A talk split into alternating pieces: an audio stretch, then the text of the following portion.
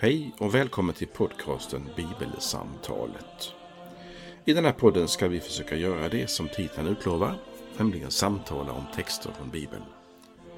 Vår tanke är att varje vecka dela ett samtal om den text från något av evangelierna i Nya Testamentet som är särskilt aktuell den kommande söndagen. Fokus är just samtalet. Kanske kan det inspirera fler till att samtala om bibeltexter. Välkommen att vara med i samtalet på något sätt. Vi som gör den här podden det är Fredrik Borglin, kommunister i Istorps pastorat och Karl Magnus Adrian, präst bland annat tidigare i just Istorps pastorat. Välkommen att vara med. Idag är temat kring sex agesima, söndagen som också kallas för reformationsdagen, med rubriken Det levande ordet. Och jag ska läsa från tredje årgångens evangelietext från Johannes kapitel 6 från vers 60. Många av Jesu lärjungar som hörde honom tala sa Det är outhärdligt det han säger. Vem står ut med att höra på honom? Jesus som genast förstod att lärjungarna förargade sig över hans ord sa till dem Får det här er att vackla? Hur blir det då om ni får se Människosonen stiga upp dit han dit där han var förut. Det är anden som ger liv, köttet är till ingen hjälp. Det ord jag talar till er är ande och liv.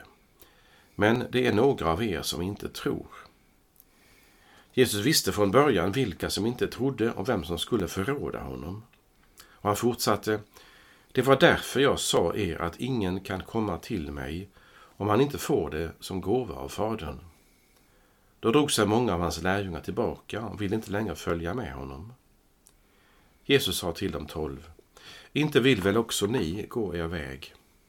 Simon Petrus svarade, Herre, till vem skulle vi gå? Du har det eviga livets ord och vi tror och vi förstår att du är Guds helige. Så lyder det heliga evangeliet. Lovad vare du, Kristus. Ibland har vi tänkt och sagt att det här är ordets söndag när ordet är på något speciellt, speciellt i fokus i texter och predikningar kanske. Mm -hmm. som om det skulle vara något utmärkande för den gamla ordningen i gamla evangelieboken som en del av oss äldre känner igen. Det vill säga reformationsdagen så var ju tema. Jag minns från min barndom att man hade till och med liksom, eh, dikter om Luther och sånt här mm. på den söndagen ibland. Väldigt, nästan lite romantiserade men också ett stolthet över sitt arv tror jag. Får jag, eh, nu, ja, nu får jag ställa en fråga? Ja, ja, till oss äldre. ja, men. Ja, jag, jag funderar på, man brukar ju annars förknippa liksom reformationen med någon dag i september eller oktober. Ja. Varför har den hamnat här liksom i förfastan? På våren, tidig vår? Eh, pass. Pass? Ja, jag har ingen aning heller. Nej, det, det borde jag ha kommit ihåg, men det har jag glömt. Det är bra att tänka på sånt. Men det vet jag inte. Nej. Nu avbröt jag dig, förlåt. Nej, jag har ingenting alls. Det gör ingenting. Absolut inte. Och då finns det två, tycker jag, i texten jag läste mm. från Jesus och i episteltexten, någonting som hänger samman. Och därför läser jag episteln. Den är kort och koncis. Mm. Hebreerbrevet 4. Guds ja. ord är levande och verksamt, är skarpare än något tveeggat svärd och tränger så djupt att det skiljer själ och ande, led och märg och blottlägger hjärtats uppsåt och tankar. Ingenting kan döljas för honom. Allt skapat ligger naket och blottat för hans öga. Och inför honom är det vi ska avlägga räkenskap. Det är det levande ordet ja. som eh, kan liksom tränga igenom och tränga in och öppna mm. upp. Mm. Både blottlägga och göra ska vi säga, som en plog, öppna upp för att sen den goda säden ska komma och läggas in.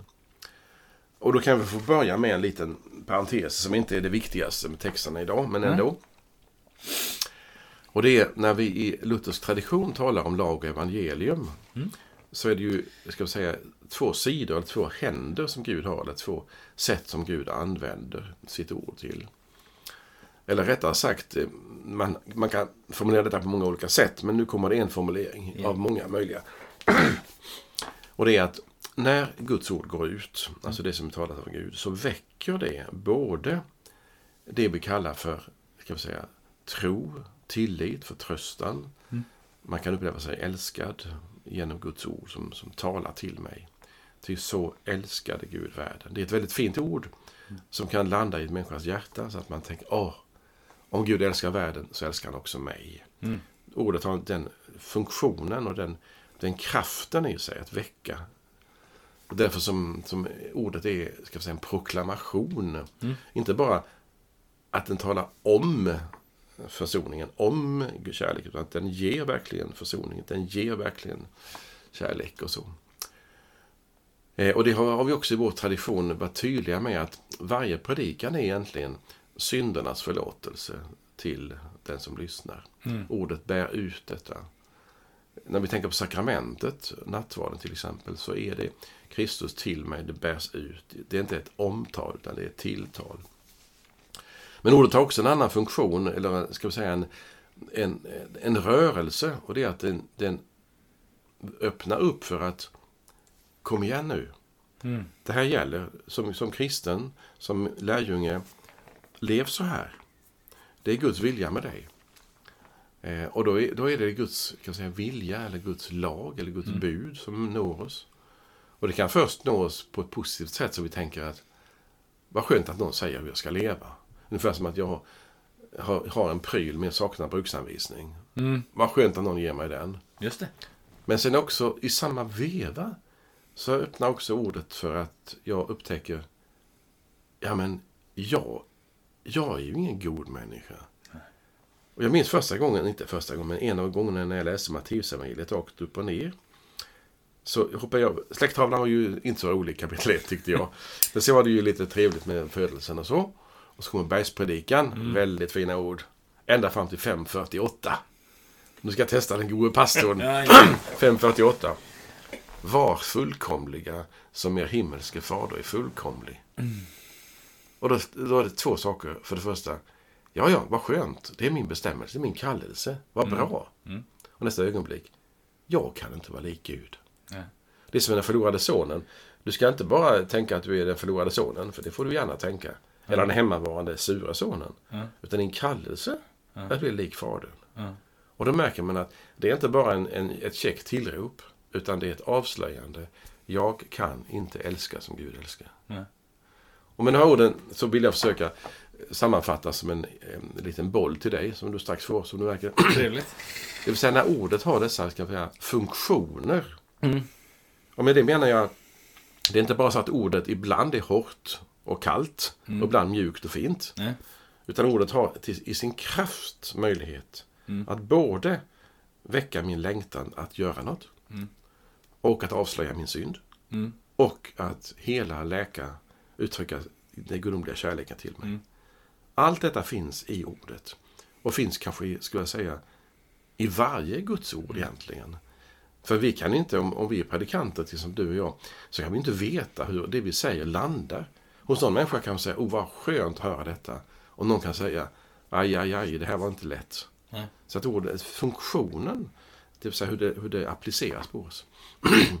ja, detta var min ingress. Ja. Som en liten aptitretare både till lyssnarna och till dig Fredrik. Jag tänker, för jag, jag, hakar, eller jag försöker haka i det. Det är inte alltid man, när man säger att man ska haka i någonting som man gör det. Utan man börjar på ett annat spår. Men jag försöker att haka i det som du säger.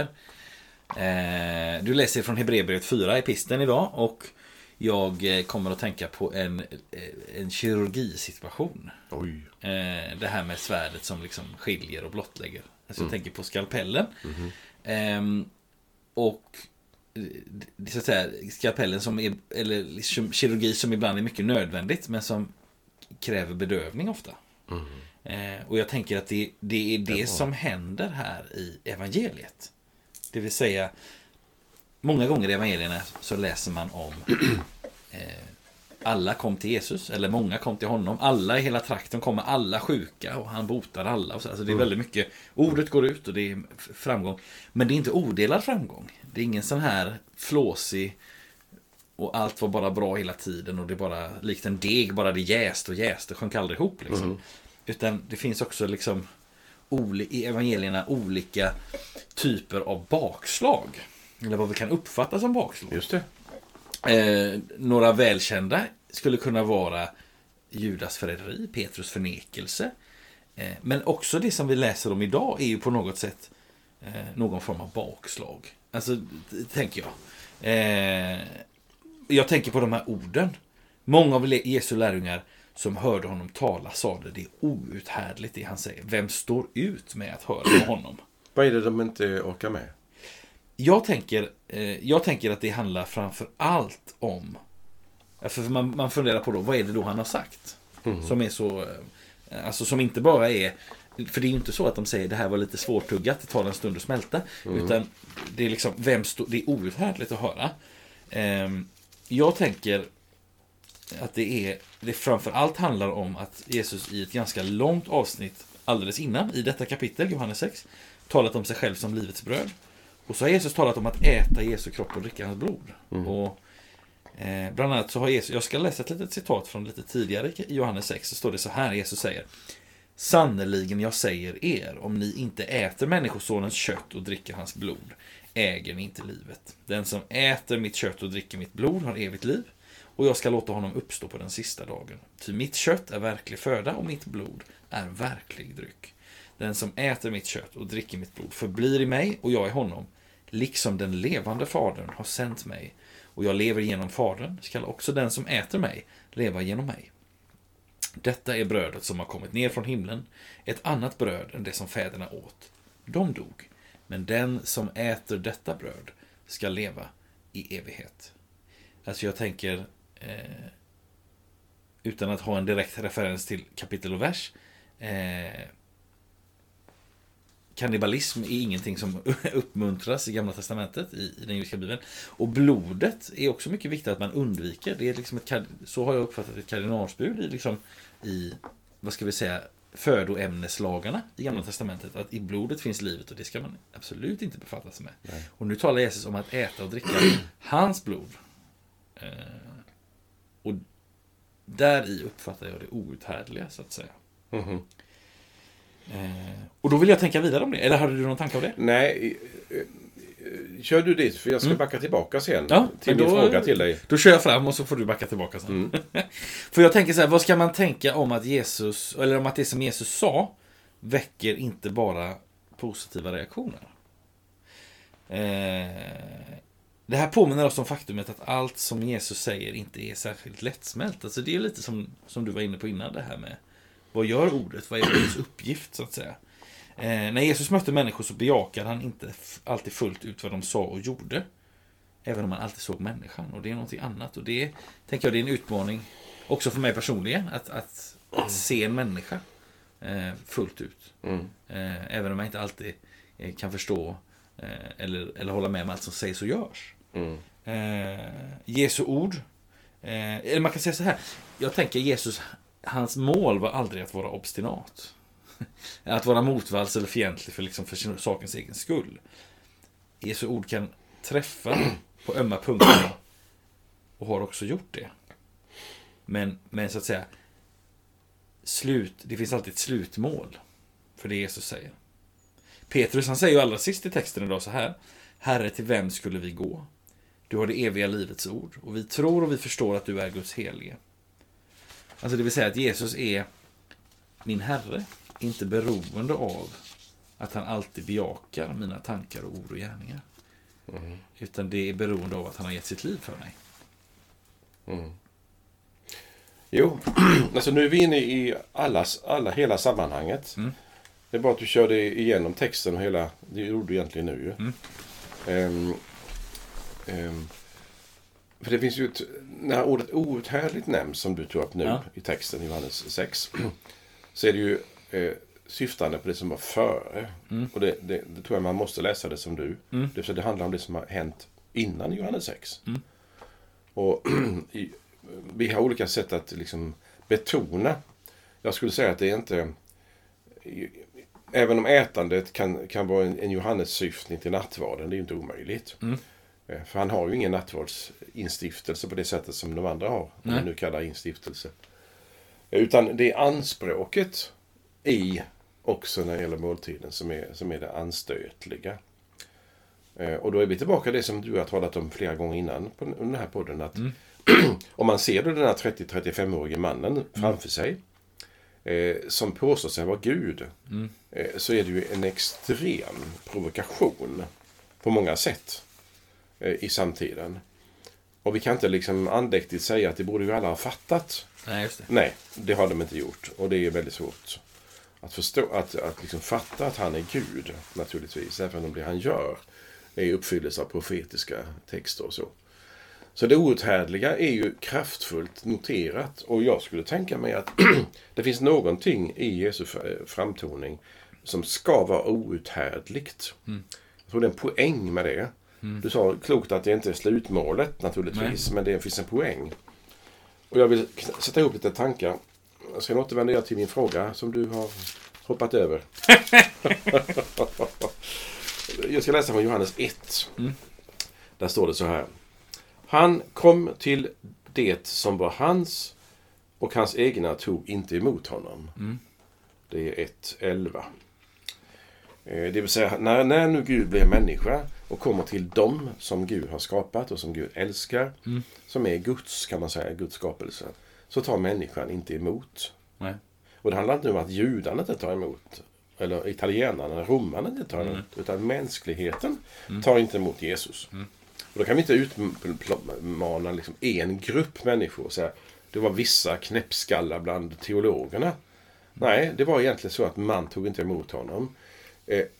Undantaget är ju faktiskt de som är, är med och, och på väg ut till Jerusalem. Och det är ytterst få som är med Jesus egentligen. Och till slut säger han eh, underförstått, jag är ensam på korset. Alltså ingen, ingen hänger med mig ända dit. Han är, Gud är liksom ensam eh, när Gud blir manifesterad här på jorden. Gud är ensam.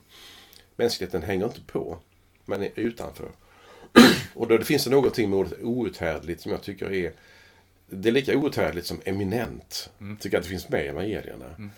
Alltså, eh, och nu är jag inne på ditt spår naturligtvis med det som du tog upp. I det outhärdliga så ligger ju detta med att, att eh, någonting med Jesus eh, eh, irriterar mig så till den milda grad att bara jag hör om det så vänder jag och går tillbaka och släpper honom. Eh, och det är någonting annat än den här eh, eh, Kära vänner, jag menade inte riktigt så. Eh, Kom tillbaka.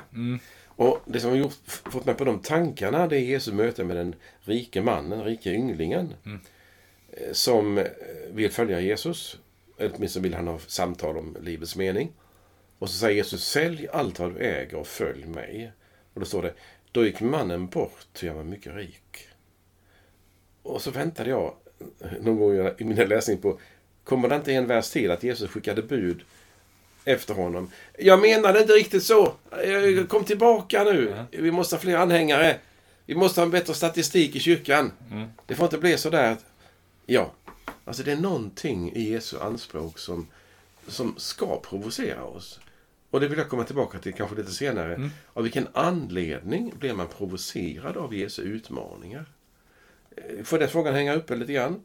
Så ska jag backa tillbaka bandet. Kör på.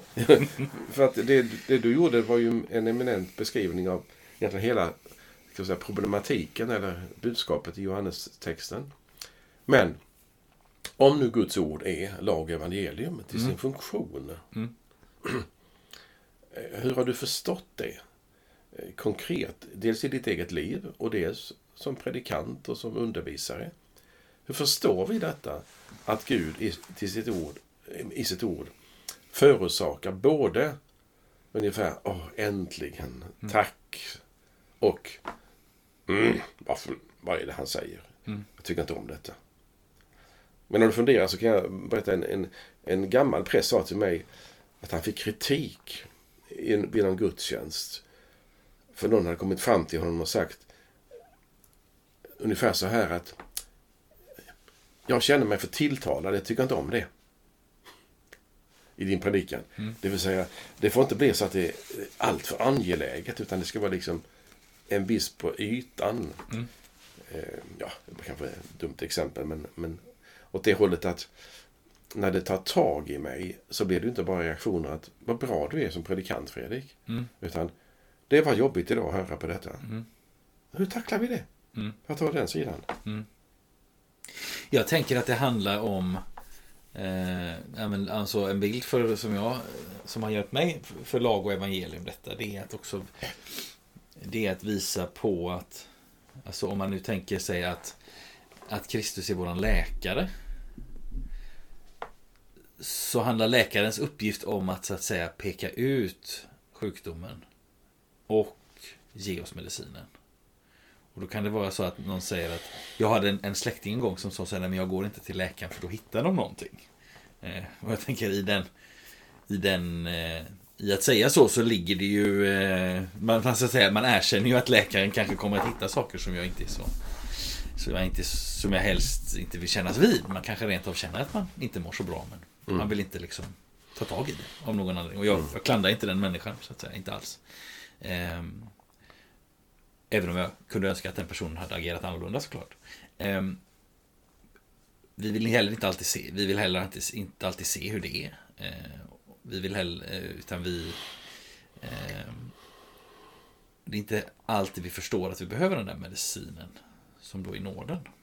Liksom. Om, om lagen är sjukdomsinsikten så är, är medicinen nåden på något sätt. En lite, på ett sätt en lite stapplande bild för vi kan ju aldrig liksom medicineras bort från att vara vi kan liksom inte sluta vara i behov av Guds nåd. Mm. Det handlar inte om en, en, en medicinkur vi tar en gång och sen är jag frisk och kry. Liksom och, mm. eh, men, men jag kan ändå på något sätt tycka att den bilden, för det handlar om att jag behöver också se att men det här är ju verkligen något jag, jag behöver. Det här är inte en, det är inte en accessoar Jesus vill ge mig. Mm. Eller liksom ett lite trevligt liv där jag verkar lite mera pigg och uppåt. Utan mm. det är ju, det är ju liksom jag får komma i kontakt med ett väldigt djupt behov som jag får upptäcka. Mm. Eh, och det är... Ja. Men, kanske, kanske lite haltande bild, men... Men jag, vill, jag, vill, jag, jag tycker det, jag är med på det. Jag vill komma ett steg eh, till det mer, mer besvärliga. Mm, kör. Och det är att, att när, när den här insikten som, som ordet ger mig. Mm. Eh, vi kan kalla om synd eller mitt tillstånd när den verkligen irriterar. För det, det, det är också intressant med de här människorna som blir irriterade. Mm. De är också älskade. Mm. Men Gud vill ju dem så väl, de mm. också. Mm. Det är inte bara den lille fine Petrus här som, som till slut har en fin bekännelse. Utan även den irriterade människan. Och det är någonting i Guds väg, det är min tro, där Gud vill irritera. Mm. Av olika anledningar. Och det, det, är anledningarna som jag är lite grann och fiskar i, som du märker. Mm. Och då tror jag det finns en, en god hjälp. Och det, det var en elev till mig på, för länge sedan på, en, på folkhögskola i Skåne som, som eh, sammanfattade detta. Nu citerar jag det väldigt fritt, för jag kommer inte ihåg exakt vad han sa naturligtvis. Han sa så här.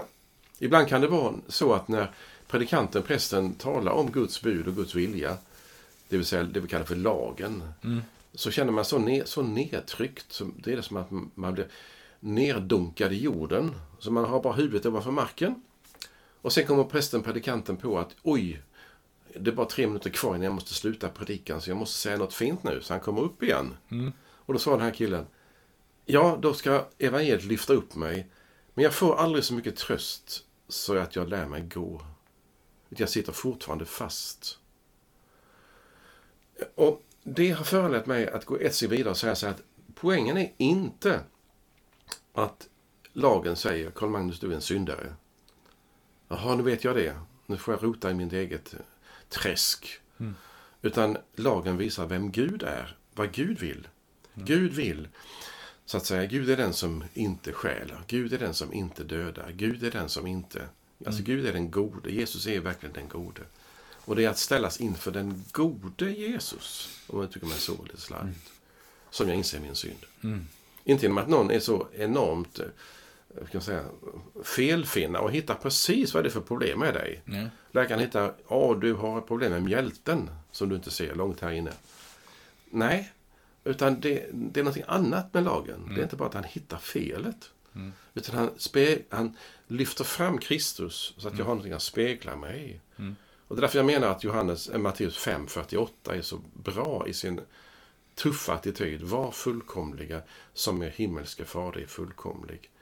För då, då tar det fram Gud framför mm. mig. Medan det vanliga felfinnandet mellan oss människor också, den tar ju mm. bara fram att jag inte duger. Ja.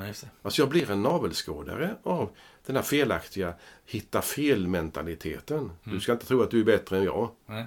Eller jag är bättre, sämre än du. Är ni med? Utan det är någonting som är unikt med ordet och det är inte felfinnandet utan det är att gestalta Kristus för oss, Gud själv. Och då när jag speglar mig i den bilden så ser jag, jag är en fattig, syndig människa. Men jag har någon att möta. Det vill säga jag står där inte med min diagnos själv i handen och så säger läkaren, för att ta din bild. Leta nu upp lösningen på detta min vän. Ja. Utan läkaren säger, det kanske finns en medicin, en behandling, en operation och så. Men den bilden är nästan bra. Bilden är bättre att, att tydliggöra ordets funktion, det vill säga när Gud visar sig för mig, när Jesus framstår tydligt för mig, då ser jag vem han är. Och i bästa fall får jag kärlek till honom. Och jag upptäcker också, dig som jag vill följa kan jag inte följa på grund av den jag är. Det vill säga, jag är en människa som är liten, svag. Du har, du har liksom, ja, det är jag tycker det är en funktion som är viktig för mig. Eller? Två responser på det. Jag tänker att då blir ju, man kan säga, då blir ju också den här bilden jag hade med läkaren blir lite haltande eftersom eh, läkaren, eh, för jag håller helt med om din bild. Eh, men bilden med läkaren blir lite haltande för att det är inte så att säga, det är inte läkarens egen person eller friskhet som ska göra mig, som ska bota min sjukdom. Nej. Utan det är ju Nej. så att säga läkarens kunskap. Sen kan man säga att Jesus har ju också en, en djup, djup kunskap om oss. Men, men det är klart att det, det är någonting annat. Och skulle jag vilja säga, eh, detta som jag citerade förut, det vill säga, vad är det Jesus har sagt innan? Där talar han ju faktiskt om sig själv. Absolut. Det, det säger han inte, för han säger inte ajabaja, ni har ätit bröd någon annanstans eller, eller eh, ni är huggormsyngel eller alltså så. Eh, utan det, det är det liksom att sannerligen jag säger er om ni inte äter människosonens kött och dricker hans blod. Man, man kan gärna läsa detta eh, för egen del sen- senare.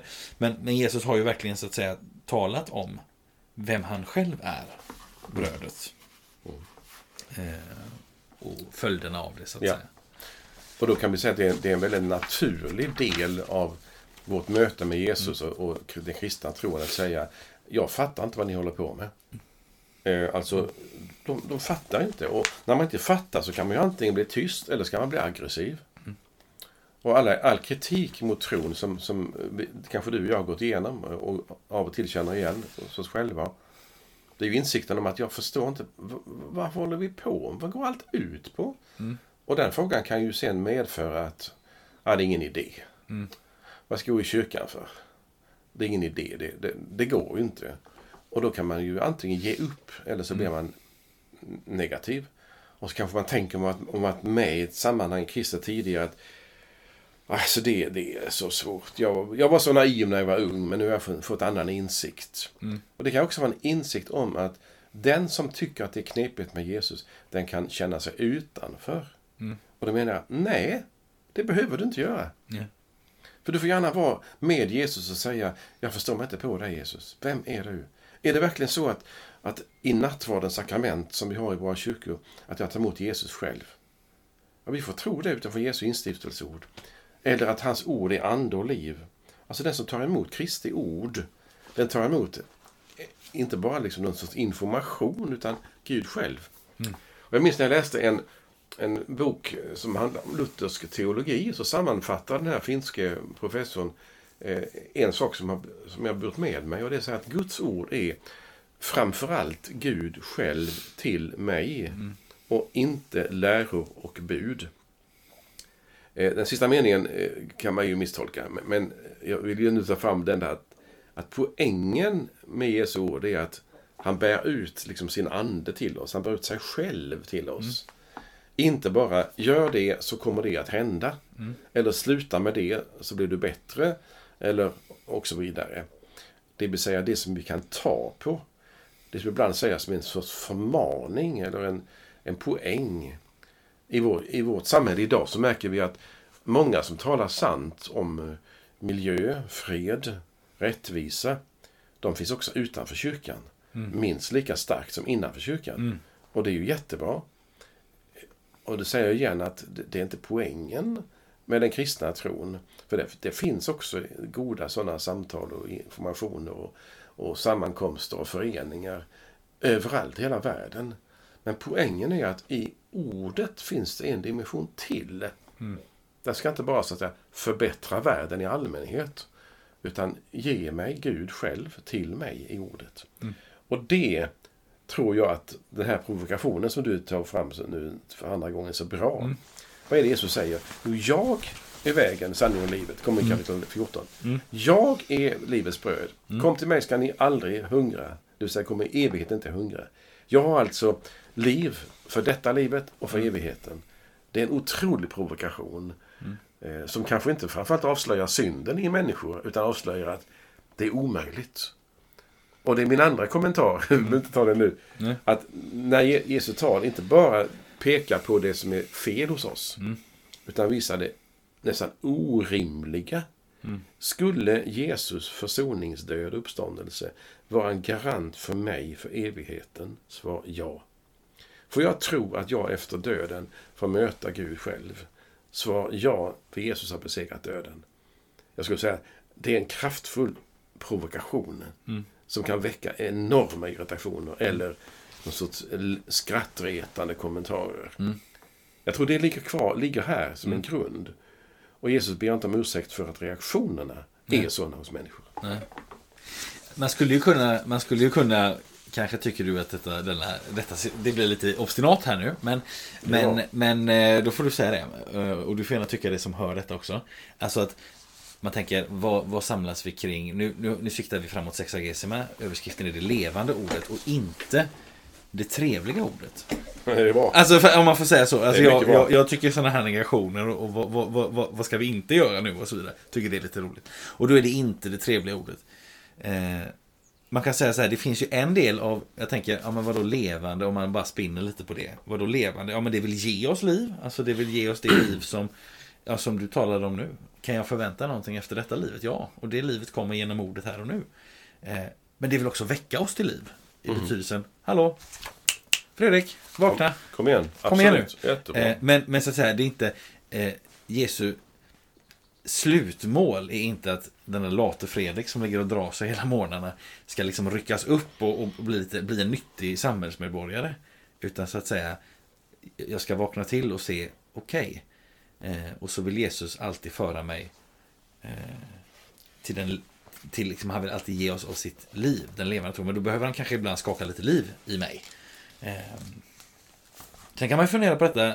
Eh, Eller hade du någon tanke på det? Nej, jag skulle gå vidare i, i texten nu. Ja, ta ja men kör, nej men kör, kör du. Jo, för att vi har hållit på nu ganska mycket med, som du kan sammanfatta så här. Du har kört ett, ett spår och Mm. det är Jesu anspråk. Mm. Johannes 6. Mm. Ända från när han bespisar, ger mat till människor Mm. som är i öknen.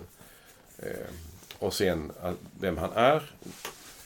Eh, ger liv, vägen sanningen och livet, kapitel 11.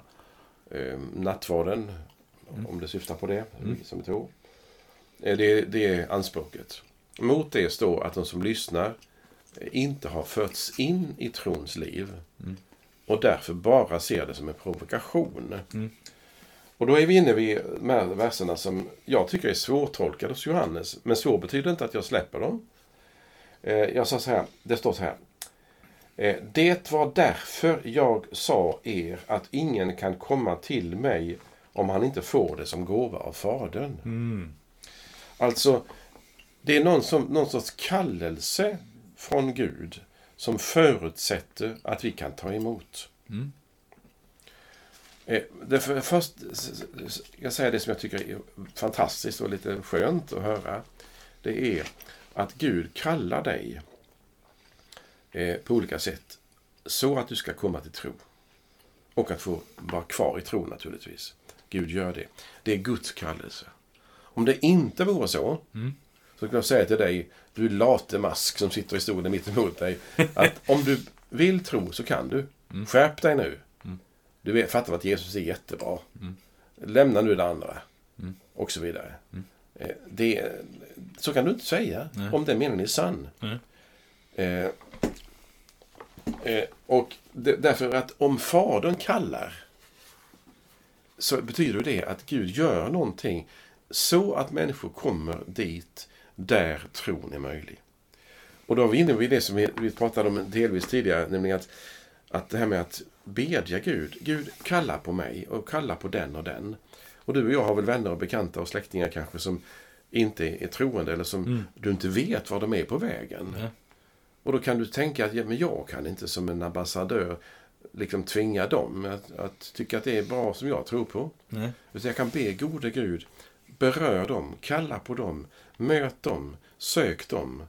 Så att de kommer dit till Jesus och får höra honom. Mm. Eh, Så tolkar jag den versen. Tycker du att det känns bra? Du vet vilken vers jag läser? En gång Det är till. därför som jag sa er att ingen kan komma till mig om han inte får det från- som gåva från Fadern. Mm. Läser du det på, i den betydelse som jag sa nu? Att det är Guds sökande och kallande som föregår det här med att komma till tro. Mm. Eh, ja, det gör jag. Och, och utifrån det att... Eh, eller konsekvensen av det blir ju att det är så att säga, det är Guds vilja att jag ska komma till tro. Men han ger mig ett val. Ja, men valet kommer ju inte där. utan om, om den här versen ska, om det står så som det gör, Mm. så menar jag nu, och därför som jag testar ju med dig som Mm. du märker Mm. i vårt samtal, att Fadern måste först kalla en människa Mm. fram till Jesus Mm. och öppna den människans öron. Mm. Sen kan ordet från Jesus väcka tro. Mm. Om Fadern inte har gjort detta, så kan tron inte uppstå. Nej. Och därför kan jag inte säga så här, skärp dig du late mask Ja. och tro, för det kan du om du vill. Mm. Då kan du svara, nej jag kan inte tro för att, om jag vill. För om inte Gud berör mig så kan jag inte tro. Nej.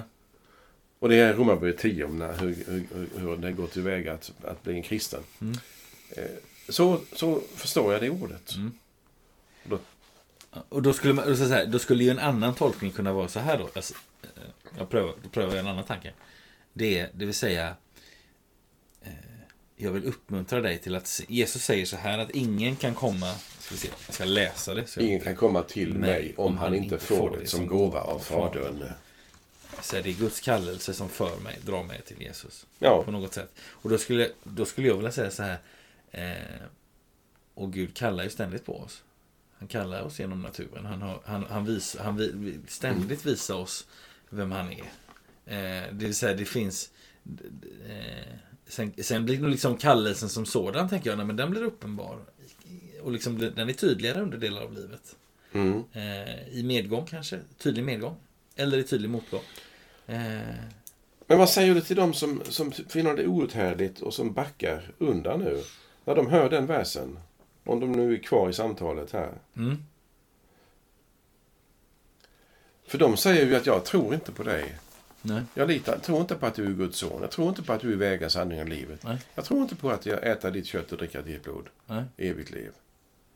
Och då säger Jesus, om inte Fadern drar er så kommer ni inte till mig. nej. Och därför är det en så hjälp, tycker jag, för mig att få tro att det är som du sa så bra, att Fadern kallar. Mm. Han vill alla. Mm. Frälsning. Mm. Men också att det är någonting som vi utber. Vi ber. Mm. Därför kalla den och kalla den. Varför gör vi det? Jo, Mm. det gör vi väl för att vi hoppas att mm, vi ska bli berörda. Eller varför, varför är du troende och jag troende? Mm. Det, är, inte- det är inte bara en produkt av någon, någon miljö utan det är någonting som har kommit till oss och har öppnat ögonen för oss. Mm. Som vi inte kan förklara. Men vi kan släppa den tanken för att eftersom tiden går det. så vill jag, måste vi ta avslutningsstycket Ja. som är ju också väldigt väsentligt. Om inte jag nu äh, steppar till Ja. munnen på dig. Nej, jag, jag, har, jag Ja. hade en kort tanke. För, Ja, för jag tar där, det. Och sen så går vi in för landning. Alltså, jag, för jag tänker så här. Vi har varit inne på det innan. Det här med att Jesu ord idag. Det väcker reaktion. Människor distanserar sig. Eh, Det tror jag också är, det tror jag är en, liksom, det här är ju inte bara en, en beskrivning av en, av en händelse för 2000 år sedan. Utan jag tänker att det här har hänt gång på gång på gång Ja, men, i kyrkans historia. Nej, men det här, det här är för starkt. Eller, Mm. eller det här ordet som jag kanske då uppfattar på det här sättet. Det, det, det är för... Eh, det är starkt alltså. Det, Mm. det, är för, det är too much. Och visst, man kan ju, man kan ju liksom kontrastera det mot att men, Petrus får ju ge en fantastisk bekännelse här. Han säger vi tror och vi förstår. Ja, vi kommer till det. Ja, det. Och, och, och då kan man säga så här, visst, det är, man kan tänka att när man Jesu ord prövar här och, och det liksom lockar fram eh, Petrus bekännelse. Just det. Men det är ju ändå en klen tröst för den som har känt det här är too much för mig. Mm. Det, det är ju ingen människa i världen som säger så här, jag, jag väljer nu att backa ifrån den här Jesus. Men vad kul att du tror mer av de här orden som, som gjorde det svårt för mig. Det tror jag är svårt för en människa att komma fram dit. Och då, skulle jag vilja, då, då vill jag bara pröva en tanke. Det är så här, kan Jesus bli då för tydlig för mig? Alltså, Så är du för tydlig. för, ja, precis. Kan han bli sådär att, att, att... Finns det något ord som jag skulle kunna liksom göra att jag drar mig undan? Eh, och då vill jag säga så här, bara fundera utifrån det. Jag har inget sån här skolboksval, men... Alltså, om, om en sida av tron är att liksom höra Jesus, och höra det han säger och liksom ta till sig ordet. Det är det som händer på olika sätt här i texten. Att det går, vissa tar till sig det andra, för andra blir det svårt liksom. Eh, sen handlar det också om att öva sig i, tänker jag, att att nej, men Jesus, de orden som, som kommer från honom, de kan vara prövande, de kan vara balsam, de kan vara eh, vin och alltså liksom, de kan vara både liksom botande och läkande eller helande och, och alltså sådär va. Eh, eh, men men då, då fick jag höra en gång en, en bild som jag tycker är väldigt fin. Eh, som är så här att om man, om man upplever att om man upplever att Jesu ord är svåra eh, så kan man alltid ställa frågan när sa Jesus dem? Och då är svaret alltid, jo, de sa han på väg till korset. Alla ord som Jesus någonsin har sagt har varit på väg till korset. Ja, han är, han är på väg till oss hela tiden. Ja, ja precis. Eh, och och ehm, att det skulle, och, och den här personen som, som delade den eh, liksom, tankemodellen med mig sa att det har, det har varit en hjälp för mig att, att när, när jag stöter på svåra Jesusord, men han säger ju dem på väg till korset och dit går han för mig. Mm. Eh, Men vad, vad har du för tanke? Men jag, jag, sista jag, jag ska läsa det sista. Ja. Eh, Då drog sig många av hans lärjungar tillbaka och ville inte längre följa honom. Mm. Eh, där har vi ju inte bara, ursäkta uttrycket, Jesu fiender. Nej. Som vi ibland kategoriserar lite slarvigt. Mm. Utan här är det många av lärjungarna. Mm. Och det är kanske den yttre skaran av, de 72 eller Mm. ytterligare personer som följer med fast inte de finns eh, upptagna direkt som en grupp i, i Nya Testamentet. Ja. Men poängen är att det Jesus väcker, det är inte bara det, det outhärdliga som stod först i vår text. Mm. Utan även nu att efter det han har sagt det sistnämnda som vi har kommenterat idag. Mm. Så, så drar de till, sig tillbaka ytterligare några stycken. Mm. Alltså det är två stycken så att säga, grupper som de finner det outhärdligt och de lämnar. Och de har varit lärjungar. Så det är alltså, vi ska säga, det är kristna. Mm. Nu, nu, är det en, en bild, man säger inte kristen på den tiden. Nej. Utan alla är ju judar som vill tro på Jesus. Men det är som om vi som är kyrkliga eller, kyr, eller, eller kallar oss kristna eller lärjungar. Det, det, det är oss det handlar om. Ja. Alltså kristna står inte ut med Jesus. Eh, och det är eh, ett stort kapitel som vi inte kommer beröra färdigt. Men vi har ju antytt idag att även för den som är med på vägen så kan det vara outhärdligt när det blir för närgånget. Mm. Inte bara med anspråket att han är Guds son, det är ju väldigt fint om det är sant. Mm. Utan han tar tag i mig och avslöjar mig och säger till mig, Carl Magnus, du måste ändra ditt liv. Mm. Du kan inte hålla på så här. Du kan inte behandla människor på det sättet. Du kan inte vara så översittare. Du kan inte vara så likgiltig. Du, du, du, det går inte. Och det, då, då sitter jag inte skönt i tv-soffan Nej. efter det. Och det är där, tror jag, det finns ett pro- problem. Och då kommer Jesus ord. Inte vill väl också ni gå er väg? Och så går Fetus fram som han brukar göra. Herre, till vem skulle vi gå? Du har det eviga livets ord och vi tror och vi förstår att du är Guds helige. Alltså frågan, vill ni gå? Och det första, och det är ju en på det existentiella planet. Och det är när någon som Jesus, som är, som är ju en auktoritet. Eh, man kan säga att han har makt. Och när maktens människa, tänk, nu får vi tänka i bara kategorier. Så här. Mm. Eh, tycker ni att det här är jobbigt så vill ni sluta. Eh, varför säger han så? Och inte säger att, jaha, vill ni inte vara med längre så skyll er själv. Mm. Det här är det, enda bäst, det, det bästa företaget ni har varit anställda i. Varför ska ni lägga av och säga upp er nu? Mm. Utan han frågar. Mm. Det är en stor omsorg om detta. Ja, Vill, vill, vill ni också lämna? Det vill säga, jag kan inte hålla fast er. Jag kan inte tvinga er. Mm. Det är ett väldigt fint ord eh, som jag, som jag uppskattar. Att den ömsinta respekten för, det skulle du säga, det egna valet kanske. Mm, mm. Eh, hur, hur vill du ha det? Vill du detta? En väldig respekt för det, för människan. Det är väldigt fint tycker jag. Och då svarar Petrus, vart skulle vi gå? Mm. Och då, då kan man se sig om. Och liksom, det, det finns ingen annan. Ja. Och, och det, ju, det handlar ju... Det första ordet han säger, det handlar om att det finns ingen annan. Det andra ordet han säger handlar om att du är ändå Guds helige. Mm. Men det första ordet, det finns ingen annan. Det är också viktigt i våra val. Mm. Vart skulle jag annars gå? Och när jag har sagt det så kan jag säga, ja men det är mer än bara att du är bättre. Mm. För du är faktiskt bäst. Mm. Det är det jag säger. Ja, jag vill bara eh, som ett sista ord eh, knyta ihop till det du sa det här. Du, tog upp den rike ynglingen. Mm. Eh, Och då sa du så här att men han gå och sälj allt du äger. Mm. Och mannen gick bort. Mm. Och, och det står till och med att, i något av evangelierna att han, han mörknade. Eller något sånt där tror jag. Eh, Så vi förstår att det här var, ett, det var en tuff medicin för honom. Eller Ja. det var liksom ett hårt ord. Eller liksom ett, ett utmanande ord.